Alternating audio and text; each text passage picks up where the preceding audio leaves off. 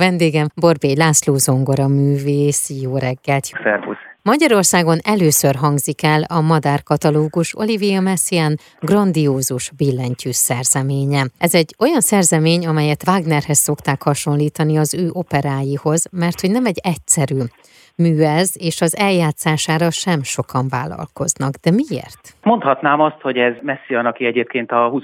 századi zeneszerzés, de a világ valaha élt zeneszerzői között is az egyik legnagyobb csillag. Tetralógia méretű mű, tehát ez egy két és fél órás, hát nem annyira hosszú, mint Wagner tetralógiája persze, de 77 madár pontos éneke van rögzítve ebbe a műbe, és nem stilizálva, pláne nem felstilizálva, hanem úgy, ahogy Messian, hogy ezek francia területeken, uh-huh. hol a rivérán, hol a hegyekbe, hol pedig a sík területen hallotta. Tehát ez még önmagában nem, nem annyira uh-huh. izgalmas, bár ritkán hallunk közel 80 madarat zongorán. Igen. Ne is mondjam, hogy az eredeti sebességben, amit ember megpróbál utolérni, de uh-huh. hát szóval azért az egy elég emberpróbáló feladat.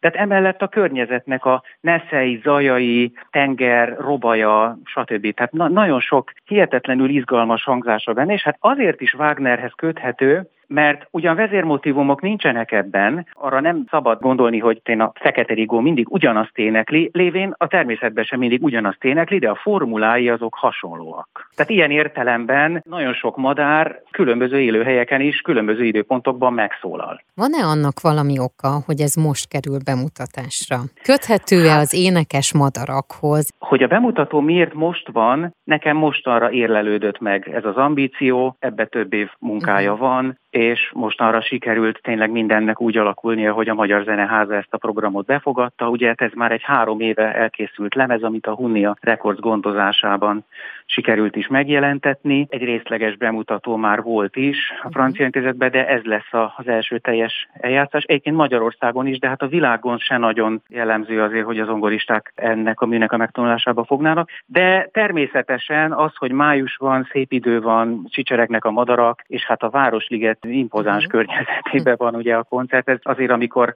a dátumon gondolkodtunk, azért ez egy, ez egy nagyon fontos szempont volt. Ez azért jutott eszembe egyébként, kapcsolódik természetesen a koncerthöz, mert hogy most van a Fülemülék éjszakája programsorozat. És nem véletlenül emeltem most ezt ide be, hiszen ez a koncert ugye három részletben fog elhangozni, és a darabok Igen. között Fazekas Gergely zenetörténész és Orbán Zoltán a Magyar Madártani és Természetvédelmi Egyesületnek a szóvivője és előadást fog tartani. Ami számomra egy óriási megtiszteltetés, és hát azért, azért is nagyon izgalmas, mert tulajdonképpen most két ornitológus találkozik egymással, a zeneszerző ornitológus és az ornitológus ornitológus, uh-huh. mert hát Messian tanult ornitológus volt, tehát nem pusztán úgy, úgy lapozgatta a könyveket, hogy nagyjából értett hozzá, hanem ő tényleg ezt kitanulta. Rengeteget foglalkozott vele. Ez önmagában egy nagyon unikális dolog szerintem. Nekem meg egy hihetetlen élmény. Ugye Fazekas Gergővel már dolgoztunk együtt a lemezemhez is, ő írta a mhm. kísérő szöveget, úgyhogy nagyon örülök, hogy ő is elvállalta. Természetesen a fülemüle is énekel ebben a műben, úgyhogy ilyen értelemben, bár nem volt szándékunk, kapcsolódik a fülemülék uh-huh. éjszakájához. Lévén ez tulajdonképpen, ahogy a, ahogy a Wagnert is említetted az előbb, és nagyon-nagyon közel van Wagner ehhez a műhöz, de Messiaen egyébként rengeteg szöveg van a kottába bevezetve. Tehát ezt úgy kell elképzelni, hogy az előadónak olyan utasítások vannak bér, vagy nedvesen,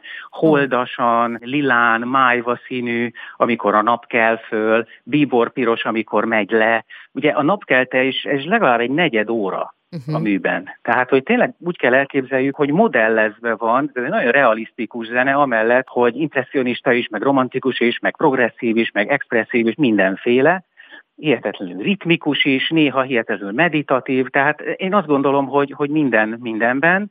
Ezek a szövegek valós időben, miközben a zongorázást lehet hallgatni, ki lesznek vetítve. Uh-huh. Tehát, hogy éppen melyik madár énekel, éppen hol járunk, ugye minden darab, ez 13 tétel, három koncertre lesz elosztva, minden tétel előtt Messian egy elég hosszú szinte már-már költőigényű szöveget írt uh-huh. előszóként, és ezek is le lesznek fordítva. Tehát végig lehet kísérni az eseményeket, csak úgy, mint egy opera közvetítésnél, csak hát az ongoraból jönnek majd ki a szereplők, remélhetőleg általam annyiféle, ahány szereplő van uh-huh. a mhm. műben, és ezeket Jancsó Júlia fordította le, aminek külön nagyon örülök, hogy a Proust fordítás mellett még erre is szakított időt, és Winter Miriam vállalta azt a nem kis munkát, hogy ezeket a diákat felcímkézi, és ott a kotta követésvel együtt ki fogja vetíteni uh-huh. a zeneháza nagy termében. Tehát hogyan hat ez a mű? A mű az úgy hat, ahogy a jó művek szoktak hatni, hogy minden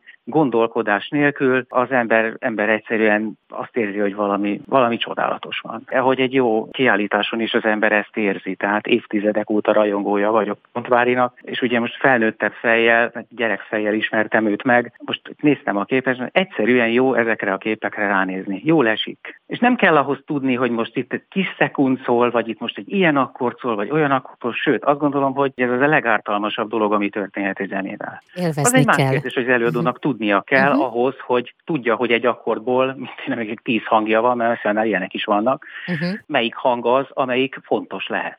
Nekünk hallgatóságnak hagyni kell, hogy hasson ránk. Így van. Így van. Nem szabad elmagyarázni. Egyébként a Messiannál nem is kell magyarázni, hiszen annyira, annyira minden le van írva a kottába, hogy, hogy azt hiszem, hogy nagyon kevés szerzőnél tapasztaltam, bocsánat, Bachnál tapasztaltam. Uh-huh. Hát a Bach nem ír be utasításokat. Uh-huh.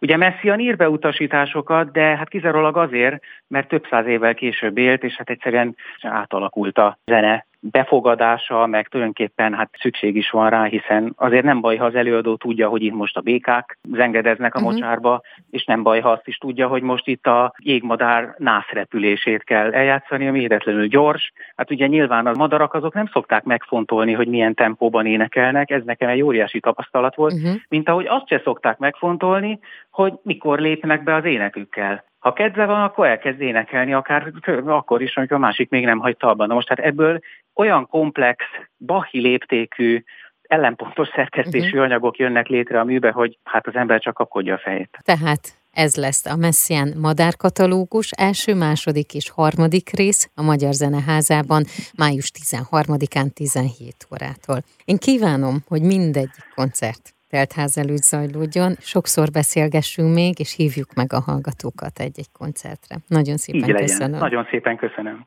Az elmúlt percekben Borbély László zongora művészt hallhatták, akivel Olivier Messian Madárkatalógus című művéről beszélgettünk, amelynek magyarországi bemutatója a Magyar Zeneházában május 13-án lesz.